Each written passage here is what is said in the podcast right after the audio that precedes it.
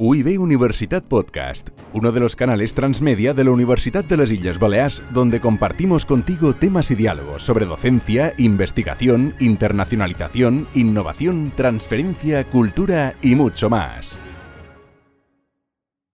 Voy a empezar un podcast que tiene que ver con la comunicación, un reto, no una amenaza, que son las habilidades sociales. Mi nombre es Antonia Pades, soy profesora titular de la Universidad de las Islas Baleares.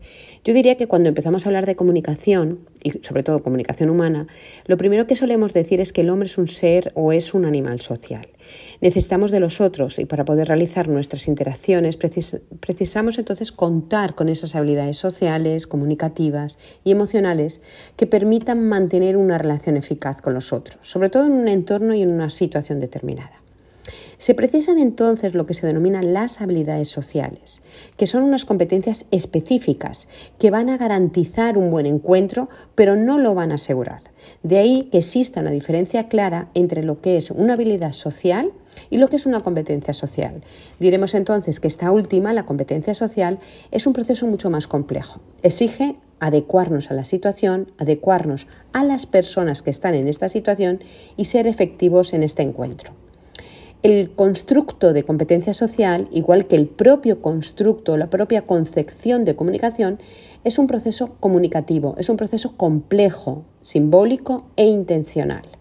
Cuando hablamos de habilidades sociales debemos entenderlas como un conjunto de conductas que pueden aprenderse y que expresan sentimientos, opiniones, derechos de una forma adecuada a la situación, respetando siempre con nuestra conducta a los demás y evitando así los futuros eh, problemas que pudieran conllevar el hecho de interaccionar en esta situación. Las habilidades sociales no son solo conductas, sino que también son pensamientos y emociones que ponemos al uso ante una situación determinada y ante nuestros interlocutores. No son innatas, sino que pueden adquirirse con un entrenamiento y a lo largo de la vida. Atendiendo al apartado de conductas, estas conductas pueden ser verbales, la palabra, como no verbales, que se emitan por un determinado canal diferente, lo no verbal, donde las personas podemos expresar asertividad no solo diciendo las cosas de manera adecuada a la situación y defendiendo nuestros derechos, sino también con la propia expresión de nuestra comunicación no verbal. Aparece aquí entonces el término, un nuevo término de conducta asertiva. ¿Qué es la asertividad? Diríamos que es como una conducta estrella entrenar que consigue que hablemos de habilidades sociales. La asertividad entonces se entiende como un conjunto de conductas verbales y no verbales que ponemos al uso en un momento determinado, en un encuentro adecuado y que nos hace ser eficaces. existe cuando hablamos de comunicación a diferentes niveles, diferentes estilos comunicativos, claramente definidos. Tenemos la asertividad, la no asertividad y la agresividad. Las habilidades sociales, volvemos a repetir, son aprendidas, no son innatas, pueden adquirirse y deben adquirirse. Se precisa entonces aprenderlas, pero para ello diremos que no serán aprendidas y ya está, sino que vamos a ir moldeándolas, vamos a tener que también entender eh, el conocimiento que va detrás de esas habilidades sociales. Por un lado necesitamos conocimientos, por otro necesitamos destrezas y habilidades para ponerlas al uso. Se van a requerir una serie de acciones educativas a diferentes niveles, de manera tanto formal como informal, para que estas habilidades puedan adquirirse. Pueden ponerse al uso a veces por ensayo y error, y esto lo hemos hecho siempre, ¿no? Pero, claro, ahí tienes mucho más riesgo porque igual, bueno, pues haces o dices cosas que no son las correctas. Previamente, entonces, sería muy correcto conocer ese entramado de, conocimientos científicos, pero también tener o haber visto cómo otras personas están ejecutando esas acciones. Es decir, ahí el aprendizaje social va a ser relevante.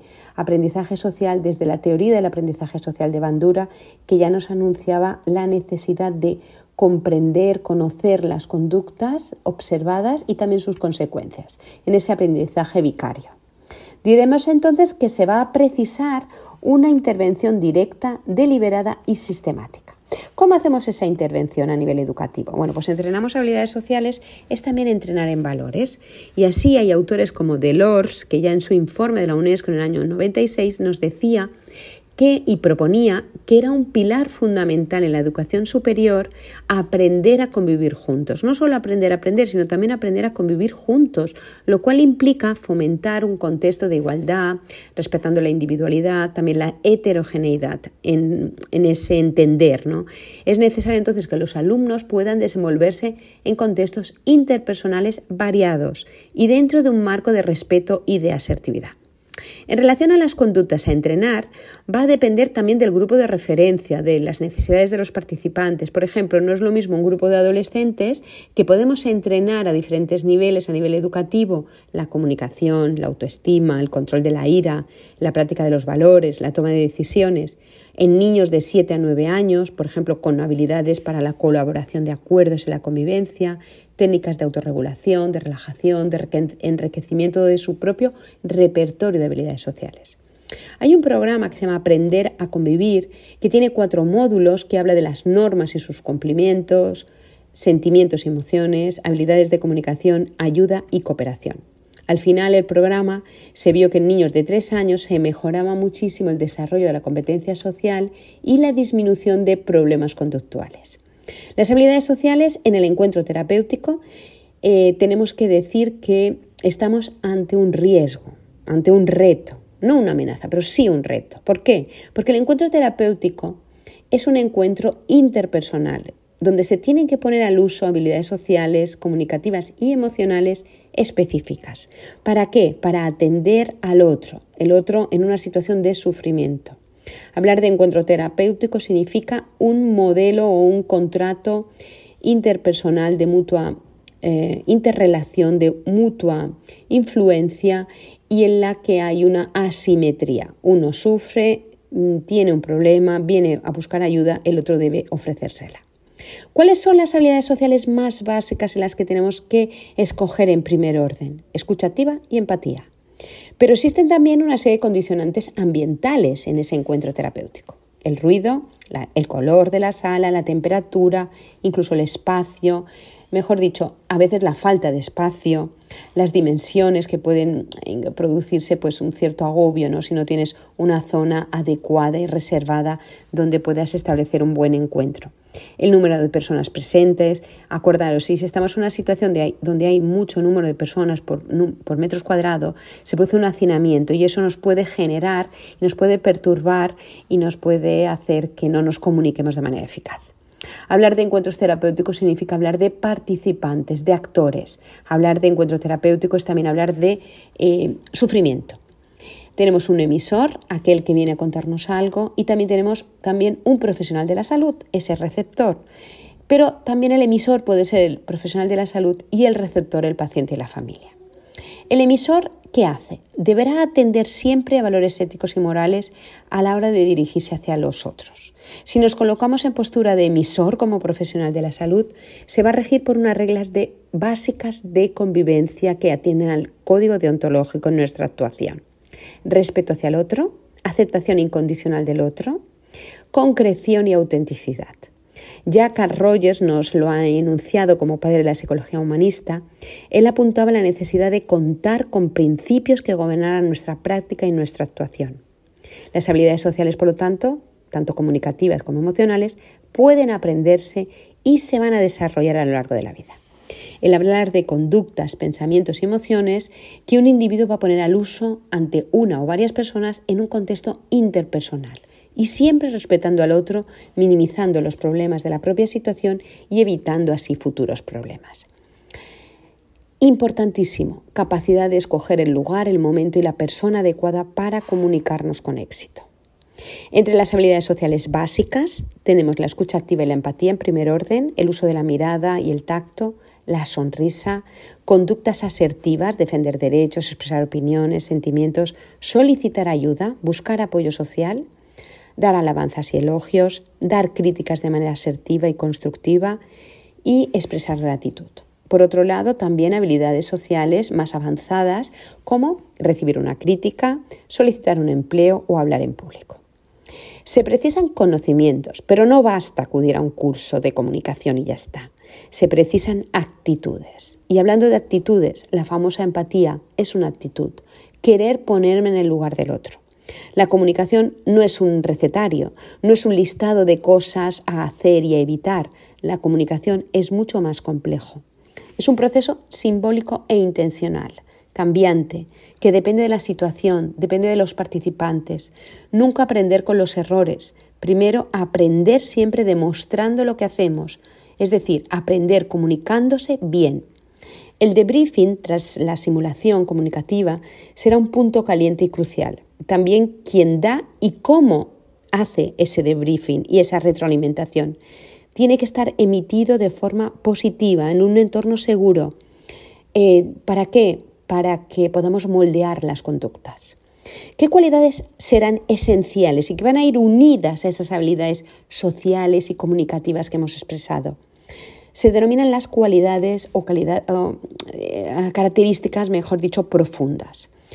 Cualidades profundas como son aceptación incondicional, asertividad, calidez, que significa amabilidad, ternura y sensibilidad en el encuentro, honestidad, ser honesto y coherente con las conductas congruentes entre lo que se piensa, se dice y se hace, mostrar seguridad, pericia y competencia profesional. ¿Qué es pericia? Pericia significa este profesional es bueno y puede ayudarme. Aspectos externos o internos pueden denotar esa pericia. Desde aspectos externos como el lenguaje que, utiliza, la apariencia y los modales, hasta otros internos como la propia fama que este profesional tiene eh, entre sus colegas o entre los propios pacientes. Es decir, un buen profesional es aquel que el otro otorga que realmente es buen profesional. En relación a la competencia profesional, está definida por el saber, saber hacer, saber estar, saber ser en esa presencia comunicativa. Una de las tareas más complejas a la hora de trabajar las habilidades sociales es el proceso de alfabetización emocional. Al trabajar con profesionales de la salud, los programas psicoeducativos en habilidades sociales van a ir dirigidos a qué? Uno, a mejorar la relación terapéutica y a mejorar la comunicación tanto a nivel general como también a mejorar el rol profesional. Vamos a tener que trabajar a diferentes niveles, también un entrenamiento en dimensión cognitiva, ayudar a pensar mejor, a empatizar, a identificar pensamientos irracionales o negativos, adquirir competencia cognitiva en relación a diferentes situaciones o escenarios sociales, situaciones difíciles. Por otro lado, habilidades dirigidas a mejorar el rol profesional. ¿Cuál va a ser? Enseñanza de entrevistas, formular preguntas abiertas y cerradas, solicitar un cambio conductual en el otro, dar información, instrucciones, dar una mala noticia, asertividad en una situación de conflicto. Eh, para finalizar, me gustaría hablar de cuáles serían las barreras comunicativas. Algunos eh, autores achacan las barreras comunicativas a la propia persona, comentando que él tiene la culpa por una serie de rasgos de personalidad que le hacen que sea tímido, que no cuente con habilidades sociales. Sin embargo, sabemos que las habilidades sociales son habilidades que pueden aprenderse y no es la persona la que tiene el déficit, sino que en un momento determinado esa persona puede no tener una competencia social ante una situación determinada o una conducta determinada. Por lo tanto, no se puede generalizar en la persona, es un modelo de habilidad que se puede aprender. La primera barrera es no haber adquirido esas habilidades sociales por no presentarse escenarios sociales, porque nadie se las ha enseñado, porque estén bloqueadas a lo mejor por ansiedad, por estados de ánimos melancólicos, la tristeza, la depresión. La persona tiene dificultades a la hora de poner al uso sus habilidades sociales o bien porque tiene falta de conocimientos en relación a lo que la propia situación social le demanda.